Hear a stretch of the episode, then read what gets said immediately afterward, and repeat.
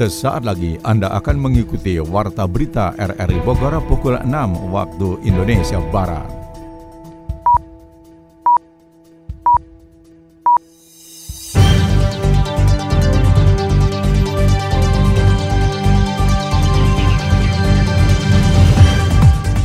Selamat pagi. Saudara, kita kembali bersua lewat Warta Berita Minggu 5 November 2023. Berita akhir pekan kami isi dengan rangkuman berita sepekan. Siaran ini juga dapat Anda dengarkan melalui audio streaming RRI Digital dan dapat Anda dengarkan kembali lewat podcast kami di Spotify, Anchor, Podtail, dan Google Podcast. Bersama saya Muhlis Abdillah, inilah rangkuman berita sepekan selengkapnya. Saudara, rangkuman berita sepekan kami awali dari kota Bogor, di mana Pemkot setempat meminta tim tangkas untuk melakukan patroli rutin guna memastikan PKL tidak kembali berjualan di kawasan tersebut. Adi Fajar menurunkan catatannya. Pemerintah Kota Bogor kini tengah fokus untuk menata kawasan jalan pedati yang kerap dipakai untuk pedagang kaki lima atau PKL berjualan. Padahal jalan pedati merupakan kawasan zero PKL sejak Pemkot Bogor melakukan penataan terhadap kawasan Surya Kencana. Sekretaris Daerah Kota Bogor Syarifah Sofia menjelaskan, Pemkot Bogor sebelumnya telah melakukan penertiban terhadap PKL, namun mereka kembali nekat berjualan. Ia telah meminta tim tangkas yang terdiri dari Satpol PP, Dinas Perhubungan dan Dinas Lingkungan Hidup untuk melakukan patroli rutin khusus di kawasan jalan pedati agar memastikan para PKL tidak kembali kembali berjualan di kawasan tersebut. Sekarang satu lagi kita geser ke pedati. Pedati dibersihkan gitu ya. Nah ini ini juga menjadi, menjadi tantangan baru ya. Apakah bisa terus nih? Karena biasanya kan kita lakukan ini, tak muncul lagi gitu ya. Nah ini yang pedati kita coba dan kita sampaikan ke tim tangkas agar tim tangkas pun juga melalui pedati setiap saat. Jadi dua kali itu melalui pedati. Wali Kota Bogor Bima Arya sebelumnya menegaskan bahwa pihaknya akan menertibkan para PKL yang tidak mau ikut aturan. Ia menekankan bahwa Pemkot tidak akan menggusur unsur PKL hanya memindahkan PKL ke tempat yang semestinya, sebab tidak boleh ada pedagang yang jualan di luar area pasar yang sudah difasilitasi oleh Pemkot Bogor. Kalau menjadi pasar nggak bisa, kita akan tidak tegas, nggak bisa. Karena tidak boleh ada lagi pasar di luar, semuanya pasar harus masuk ke dalam. Jadi tidak akan ada yang digusur, lagi tidak akan ada yang digusur, tidak ada yang dipinggirkan, semuanya difasilitasi, asal ikut dengan aturan kita berdagang di dalam. Bisa ke Sukasari, bisa juga ke Cumpok nanti, bisa ke Jambu Dua, bisa ke pasar yang lain. Opsinya banyak, tinggal dipilih aja. Sebelumnya, Satpol PP Kota Bogor kembali menertibkan sedikitnya 100 pedagang kaki lima yang kembali nekat berjualan di Jalan Pedati, Kecamatan Bogor Tengah pada Kamis lalu. Pemkot Bogor telah mengarahkan para pedagang untuk berjualan di Pasar Jambu 2. Hal itu mengingat Pemkot Bogor juga akan melaksanakan penataan terhadap Plaza Bogor. Kepala Satpol PP Kota Bogor Agustiansa juga mengultimatum apabila masih ada PKL yang nekat berjualan di Jalan Pedati, maka pihaknya akan melakukan penyitaan terhadap seluruh barang dengan mereka. Jawa Barat menjadi wilayah dengan kerentanan penyebaran HIV AIDS di Indonesia yang dalam satu hari diperkirakan 24 orang terinfeksi HIV di Provinsi Tatar Sunda tersebut. Yofri Haryadi menurunkan catatannya. Jawa Barat menjadi wilayah dengan kerentanan penyebaran HIV AIDS di Indonesia. Dalam satu hari diperkirakan 24 orang terinfeksi HIV di Jawa Barat dan membutuhkan penanganan serius, tidak hanya sekedar isu kesehatan. Hal tersebut diungkapkan Ketua Forum Peduli AIDS Jawa Barat, Daniel K. Ramadan, usai kegiatan musyawarah kerja Jawa Barat di Bandung. Diungkapkan Daniel, penanganan HIV AIDS ternyata tidak semua mendapat dukungan dari pemerintah daerah yang ada di Jawa Barat, termasuk juga organisasi peduli AIDS yang tidak memiliki program program kerja serta memiliki aktivitas kegiatan namun belum memiliki konsep sehingga program aksi yang dilakukan tidak berdampak signifikan terutama menekan penyebaran HIV AIDS di daerah. Angka kasus HIV di Jabar itu kenaikannya luar biasa sejak 2021 menuju ke 2022. Kita lihat yang tahun yang lalu lah. Biasanya itu Jawa Barat itu angka kasus baru HIV-nya itu sekitar 5 ribuan. Tapi tahun 2022 itu sudah sampai 8.600 lah. Dan 2023 ini, ini angkanya naik lagi. Artinya kenaikannya itu sampai dengan 60 bahkan di 2027 ini 70 persen. Nah ini kan sangat mengkhawatirkan sebetulnya. Kalau satu tahun itu hampir 8.600 orang, artinya kan di Jawa Barat setiap harinya itu kira-kira ada 24 orang tuh yang terinfeksi HIV per hari. HIV AIDS merupakan penyakit dan infeksi menular seksual PIMS yang menjadi perhatian serius tidak hanya dalam tataran nasional melainkan global. Berdasarkan estimasi tahun 2020 diperkirakan akan terdapat 543.100 orang dengan HIV. Laporan Sistem Informasi HIV AIDS SIHA Kementerian Kesehatan RI bahwa pada 31 Maret 2020 pada bulan Desember 2019 menunjukkan terdapat sebanyak 511.955 ODHIV yang telah mengetahui status terinfeksi HIV dan terdapat 319.618 kasus penyakit infeksi menular seksual PIMS dengan urutan DKI Jakarta, Papua, Jawa Timur, Jawa Tengah, dan Jawa Barat. Dalam rapat kerja itu pun Forum Peduli AIDS Jawa Barat mendesak kepada Pemda Kota dan Kabupaten di Jawa Barat untuk sinergi dalam program tersebut. Provinsi Jawa Barat ada yang namanya Komisi Penanggulangan AIDS, termasuk di kabupaten kota di seluruh Jawa Barat. Ini sesuai dengan Permendagri nomor 20 tahun 2020 tahun 2007. Komisi Penanggulangan AIDS ini adalah sebenarnya sebagai lembaga kolaboratif, lembaga sinergitas, lembaga yang jadi leading sektor di provinsi dan di kabupaten kota. Tapi kenyataannya lembaga ini ya mati suri, SK-nya ada tapi kerja-kerjanya nggak ada, kerjanya ada tapi tidak punya konsep. Jadi hal-hal seperti ini yang merisaukan kami di teman-teman LSM. Ketua Forum Peduli AIDS Jawa Barat Daniel mengungkapkan selama ini program kegiatan LSM dan organisasi peduli AIDS banyak yang berasal dari donasi di luar negeri. Adanya konflik global juga dikhawatirkan berdampak pada terputusnya pendanaan mereka dalam kegiatan pencegahan dan menekan infeksi HIV/AIDS pada kelompok sasaran, sehingga kehadiran pemerintah daerah bersama dengan program tersebut menjaga keberlanjutan program penanggulangan HIV/AIDS di kota dan kabupaten Jawa Barat.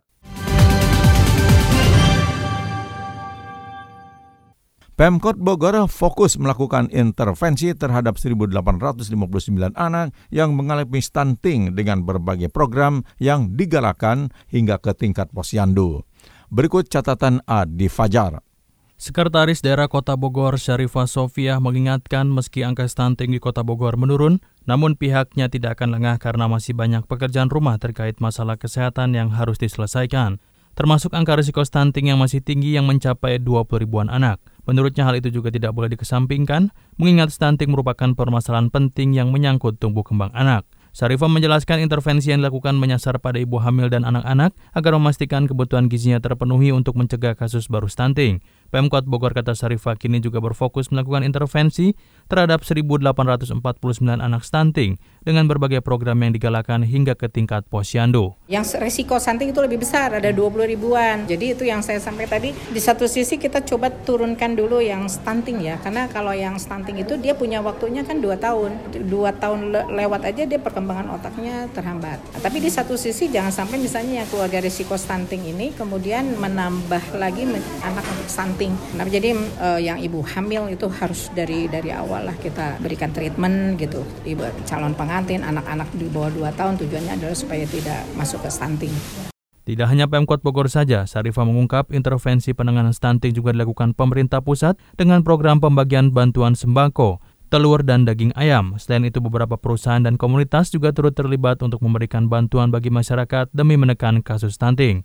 Kalau yang resiko stunting, itu dari pusat pun juga ada bantuan. Itu yang dikeluarkan melalui Bapanas. Jadi di situ keluarga resiko stunting ini diberikan bantuan sembako, diberikan ayam, dan diberikan telur. Tapi yang komunitas-komunitas ini kita banyak juga bantuan seperti eh, ada pabrik susu, memberikan bantuan susu, kemudian juga ada Blackmore yang obat itu memberikan untuk ibu-ibu yang hamilnya gitu. Jadi program stunting ini karena memang prioritas ya dari tingkat pusat sampai ke daerah juga harus menangani stunting. Jadi komunitas pun juga tidak perlu banyak kita menjelaskan mereka sudah paham gitu. Mereka ada keterpanggilan untuk menangani stunting.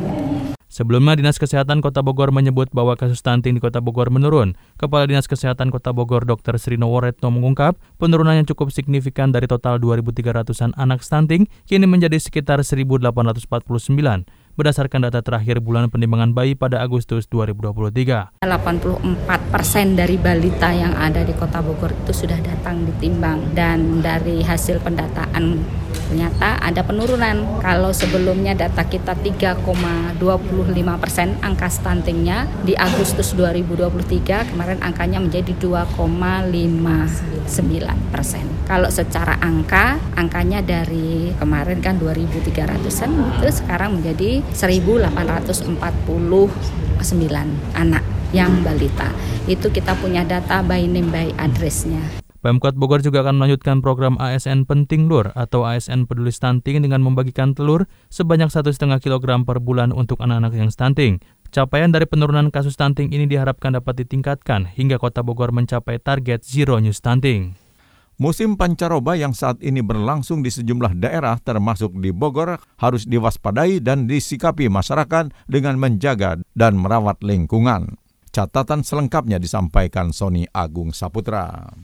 Musim pancaroba yang saat ini berlangsung di sejumlah daerah termasuk di Bogor harus tetap menjadi kewaspadaan masyarakat terutama di sektor lingkungan hidup. Hal itu disampaikan sejumlah aktivis kepemudaan di Kota Bogor dalam agenda yang berlangsung di Bantarjati Bogor Utara. Salah seorang aktivis Bogor, Teresia mengatakan saat ini pancaroba yang berlangsung di Bogor ditandai dengan panas yang cukup menyengat pada pagi dan siang hari namun pada sore malam hari terkadang Bogor diguyur hujan dengan intensitas ringan. Upaya menjaga lingkungan hidup harus harus tetap berlangsung sehingga dalam musim pancaroba ini pemuda bisa tampil dalam memberikan arti dalam kehidupan sosial kemasyarakatan. Masyarakat tetap harus waspada terhadap musibah bencana alam yang bisa saja terjadi saat musim pancaroba ini. Tentang lingkungan panas atau seperti itu? Oke, untuk uh, lingkungan uh, di hari ini yang saya lihat uh, mungkin cuacanya tadi siang sedang panas, tapi sekarang udah uh, udah agak dingin. Pancaroba ya. Ya, ya seperti pancaroba. Uh, terus beberapa akhir ini mungkin uh, sedang ada hujan. Tapi untuk hari ini mungkin sepertinya uh, belum ada tanda-tanda hujan sih harus apa saat pancaroba ini menurut Tete? kalau untuk uh, saat pancaroba pastinya kita harus menjaga daya tahan tubuh sih pak. Karena waktu pancaroba kan pasti banyak orang yang uh, tiba-tiba bisa sakit demam panas maupun pilek flu batuk kayak orang-orang kebanyakan di sini lagi pada sakit flu. Nah pasti untuk waktu pancaroba harus menjaga daya tahan oke lingkungan harus apa ketika khawatir bencana nih? Lingkungan harus tetap dijaga nggak? Iya harus tetap dijaga. Kalau agar tidak terjadi bencana ya, ya agar tidak terjadi bencana ya harus dijaga kayak uh, buang sampah tetap harus pada tempatnya okay. biar nggak biar nggak banjir dan Sedangkan salah seorang aktivis pemuda Bogor, Barley Mau, menilai saat ini edukasi untuk tetap menjaga lingkungan hidup tetap harus terjaga di tingkat sekolah baik itu dasar ataupun tingkat menengah bahkan perkuliahan. Banyak masyarakat lupa untuk merawat pohon yang sudah mereka tanam sehingga adanya upaya merawat lingkungan dan edukasi kepada masyarakat bisa lebih optimal dalam menciptakan situasi yang lebih baik menjadikan Bogor lebih nyaman sebagai tempat tinggal. Seperti yang saya sampaikan tadi, mungkin kerinduan kita terhadap curah hujan yang dulu di kota Bogor itu kota hujan sekarang tidak ada terus masalah seperti sejuk dan dingin karena pohon yang berkurang juga nggak ada contoh kayak kita main golf di Gunung Gelis yang biasanya begitu kita pagi sejuk jam 10 masih dingin cuman sekarang belum jam 10 jam 8 udah panas rasa matahari udah menyengat sekali apa yang harus dilakukan? Nah, mungkin kepada pemerintah setempat terkait mungkin pelestarian untuk penanam pohon yang sudah berjalan. Terus yang tadi kita bicara masalah setelah ditanam mungkin dikawal lah tanaman itu, jangan ditanam terus dilepas saja. Mungkin gerakin lah itu pasukan-pasukan untuk menyiram tanaman atau secara berkelangsungan. Jadi kalau bahasanya komitmen, ya itu harus ada konsisten lah minimal. Oh. Untuk itu, peran pemerintah kota Bogor seharus aktif memberikan edukasi lingkungan hidup dari mulai tingkat sekolah hingga masyarakat agar musim pancaroba ini suasana nyaman tetap dipertahankan.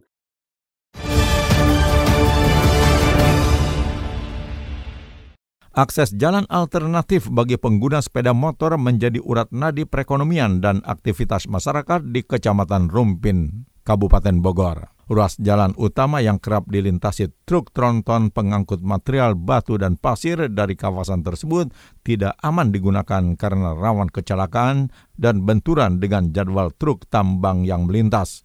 Kita simak catatan Yofri Haryadi.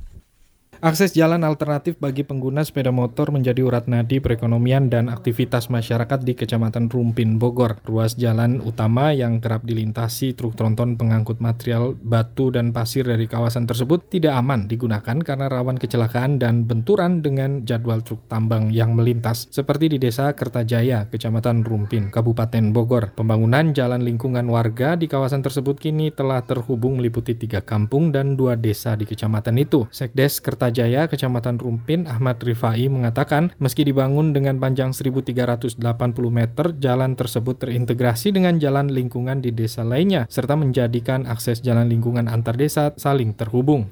Masih tahap satu, Pak. Uh, dibangun, dibangun satu titik, Pak. Panjangnya 1385 meter, lebar 3 meter, uh-huh. tinggi 15 cm. Sesuai dengan harapan masyarakat, uh-huh. jalan yang selama ini ya menurut menurut kita ya kurang kurang bagus. Uh-huh. Ya harapan kami sih dengan apa ya adanya pembangunan ini ya uh-huh. itu tadi memudahkan akses. Uh-huh. Uh, jadi dengan dengan mudahnya akses ya mudahnya akses ya mudah juga perekonomian Pak. Kampung Karekel uh -huh. RT apa Kampung Karekel RW 09 hmm. menuju uh, Kampung Kebon Jauh hmm. RW 06.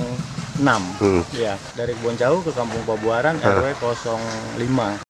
Di kawasan Rumpin Bogor, banyak anak sekolah menggunakan sepeda motor lantaran tidak ada angkutan umum yang melayani trayek untuk aktivitas mereka dan bergantung dengan kendaraan pribadi khususnya sepeda motor. Jalan lingkungan yang dilebarkan dan saling terhubung itu pun menjadi alternatif untuk membuka akses masyarakat dalam kegiatan ekonomi seperti diungkapkan Ujang, warga desa setempat.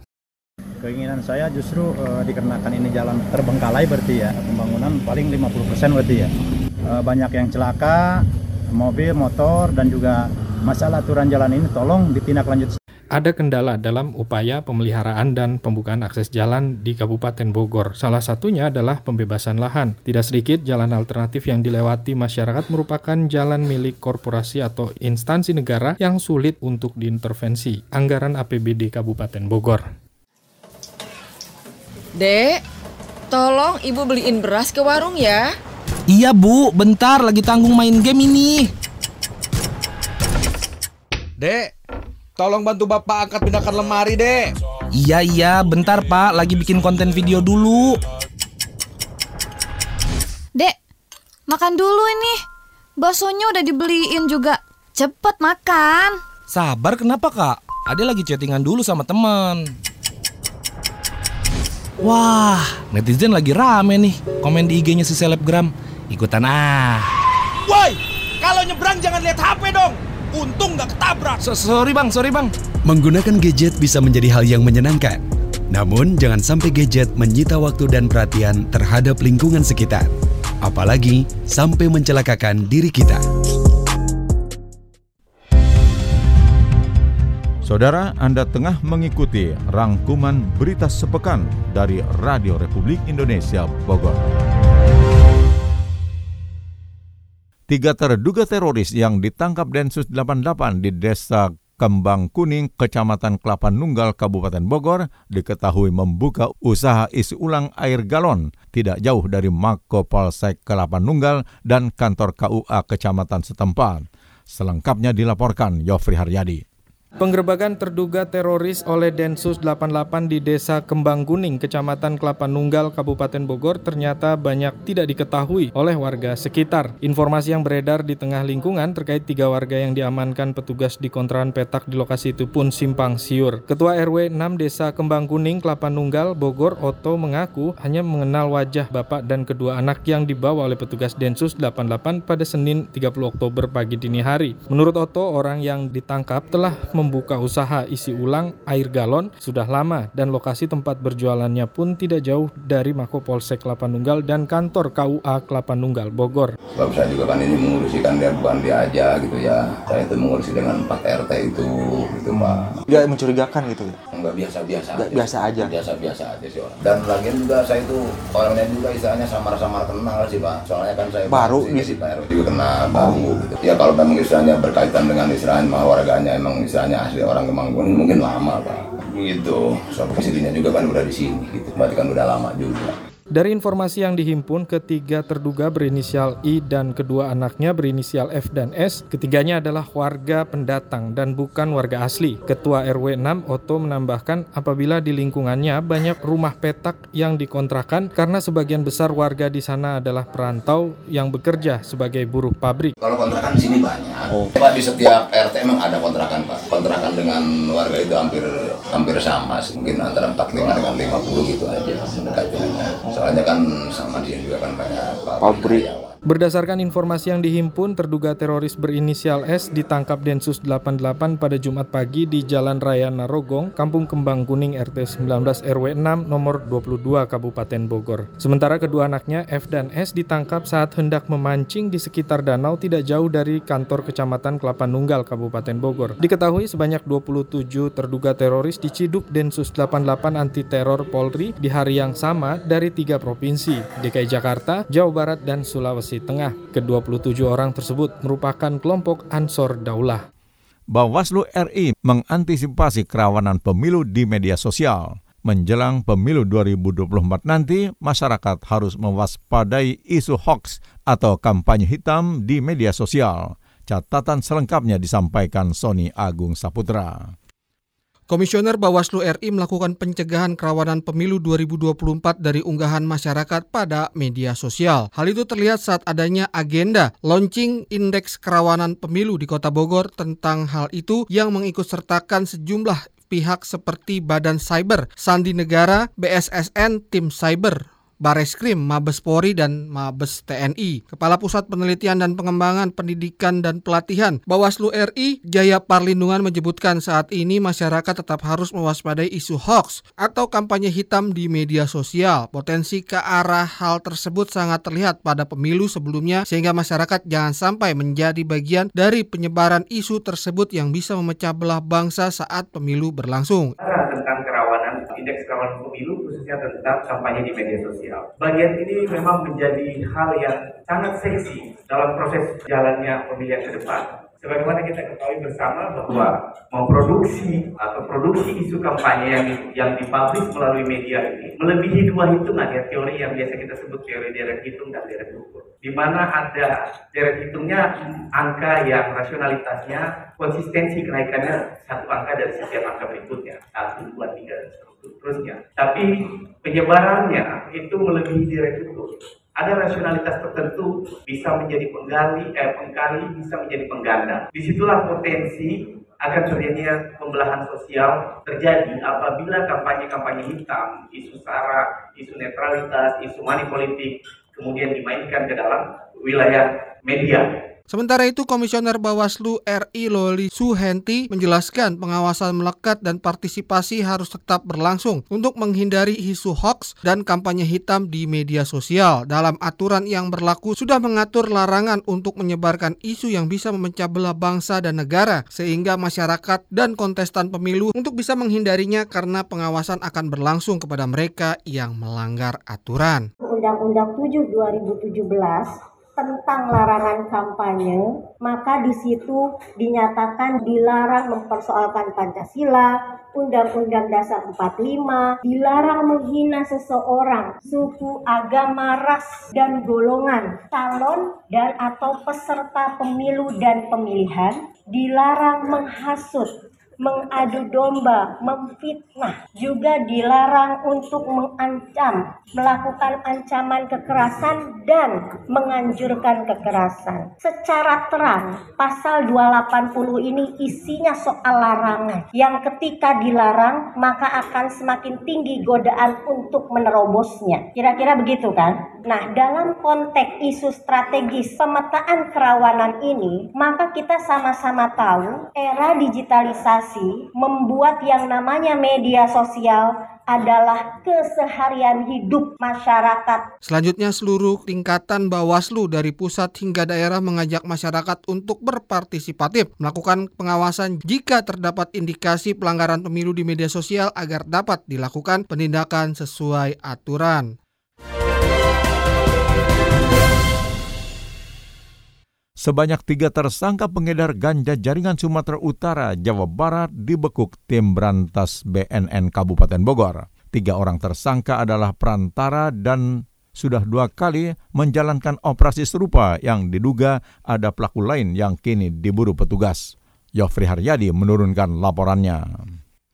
Sebanyak tiga tersangka pengedar ganja jaringan Sumatera Utara, Jawa Barat dibekuk tim berantas Badan Narkotika Nasional Kabupaten Bogor di tiga wilayah berbeda. Tiga wilayah yakni dua titik di Kecamatan Bojonggede dan satu titik di Kecamatan Jonggol, Kabupaten Bogor. Seksi berantas BNN Kabupaten Bogor Bayu Permana mengungkapkan berdasarkan informasi petugas segera menelusuri perumahan Bukit Waringin Jaya, Bojonggede dan mendapati pengiriman paket dari Sumatera Utara ke wilayah Bogor dengan alamat tidak jelas. Paket berupa ganja disampaikan disamarkan dengan pengiriman pakaian jadi dari wilayah Sumatera dengan berat sekitar 900 gram lebih ganja. Tidak lama setelah pengiriman paket pertama, kemudian tim berantas BNN Kabupaten Bogor juga mendapati pengiriman lain di Perum Villa Asia Bojonggede mendapatkan paket serupa seberat 530 gram ganja dengan modus serupa. Jadi memang setelah mereka menerima paket ini, rencana mereka akan dijual kembali dengan beberapa sistem. Ada yang memang akan diserahkan kembali kepada orang lain, gitu kan? Ada yang memang dengan sistem tempel. Nah, untuk ukuran kecil dari hasil pemeriksaan tersangka itu paket yang 100.000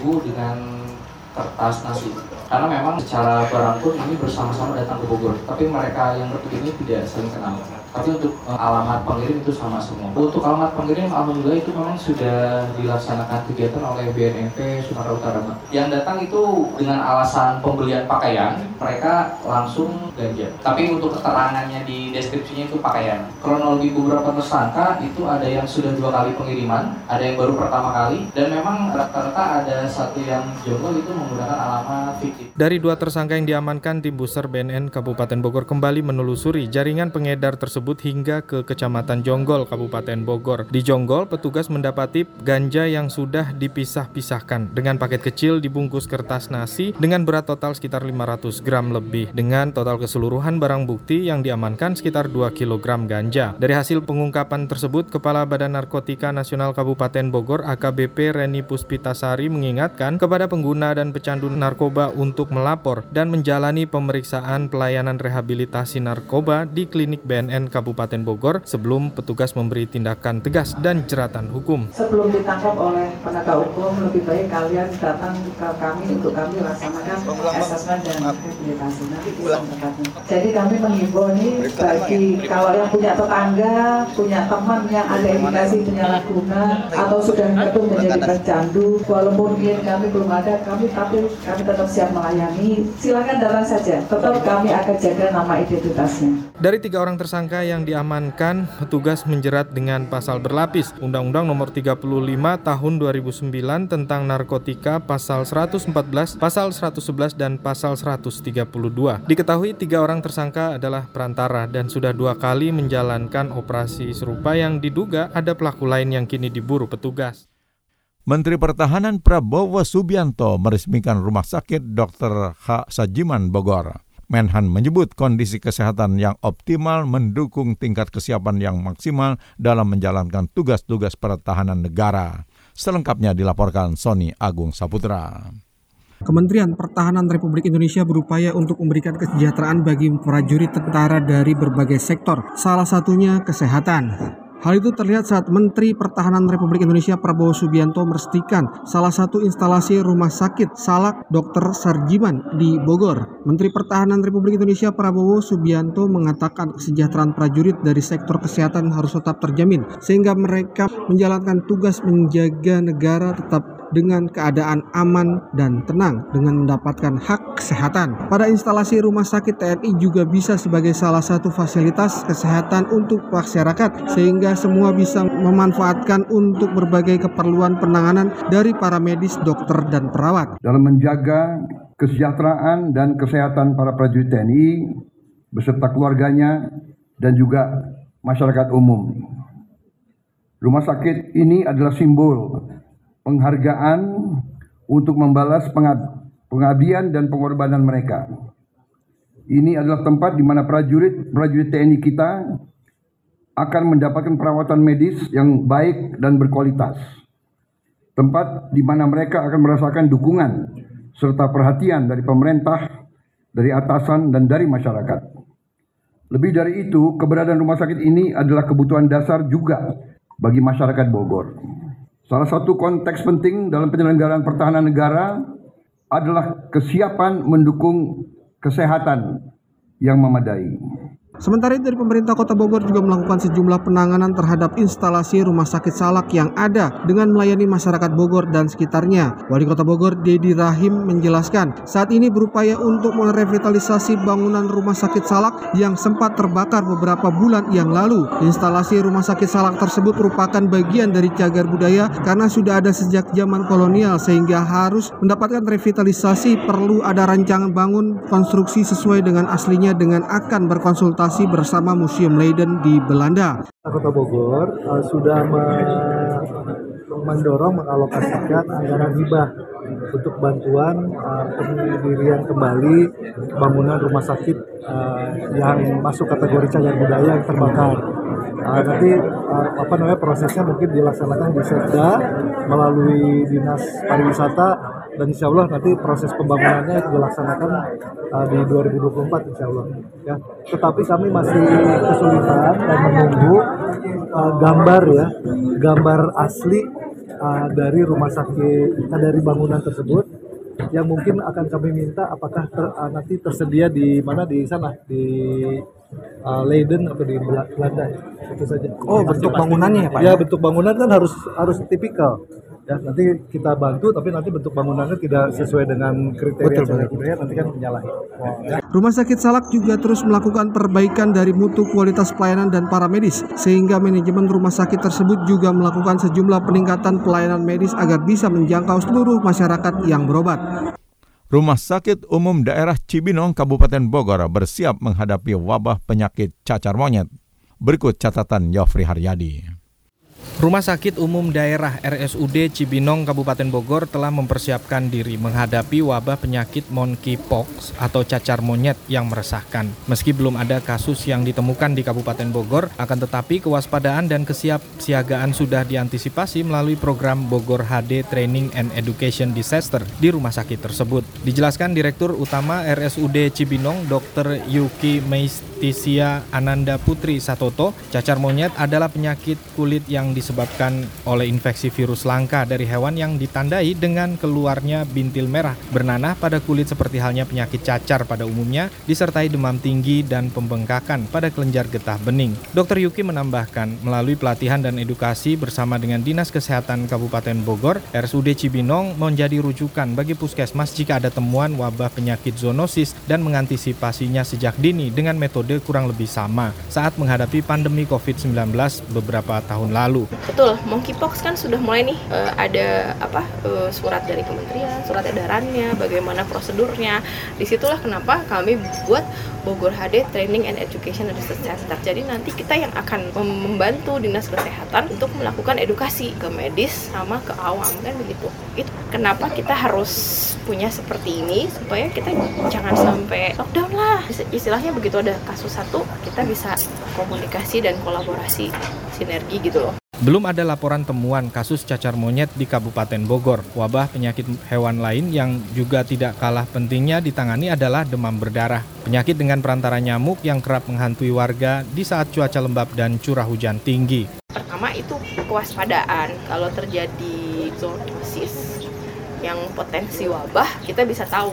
Contoh yang lagi rame monkeypox ya, cacar monyet. Mudah-mudahan nggak ada ya zero. Sampai saat ini kan zero kabupaten Bogor. Harapannya dengan Bogor HD kita bisa komunikasi sama dinas kesehatan. Kalau ada kasus satu teng misalnya kan langsung alert kita. Iya. langsung aktivasi sistem kita laporan sama dinas dan lain itu sih sebenarnya contohnya.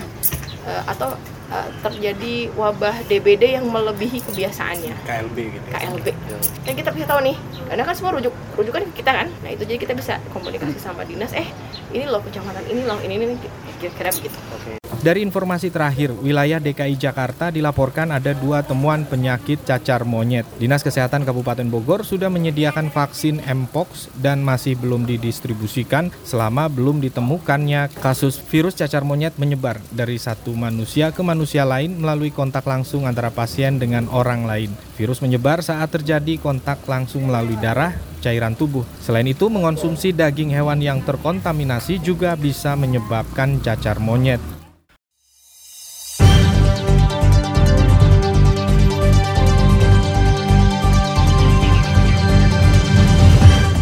Saudara, demikian rangkuman berita sepekan dari Radio Republik Indonesia Bogor. Siaran ini dapat Anda dengarkan kembali melalui podcast kami di Spotify, Anchor Podcast, dan Google Podcast. Saya Muhlis Abdillah bersama penata teknik Mahdi Nur mengucapkan terima kasih atas kebersamaan Anda. Selamat pagi.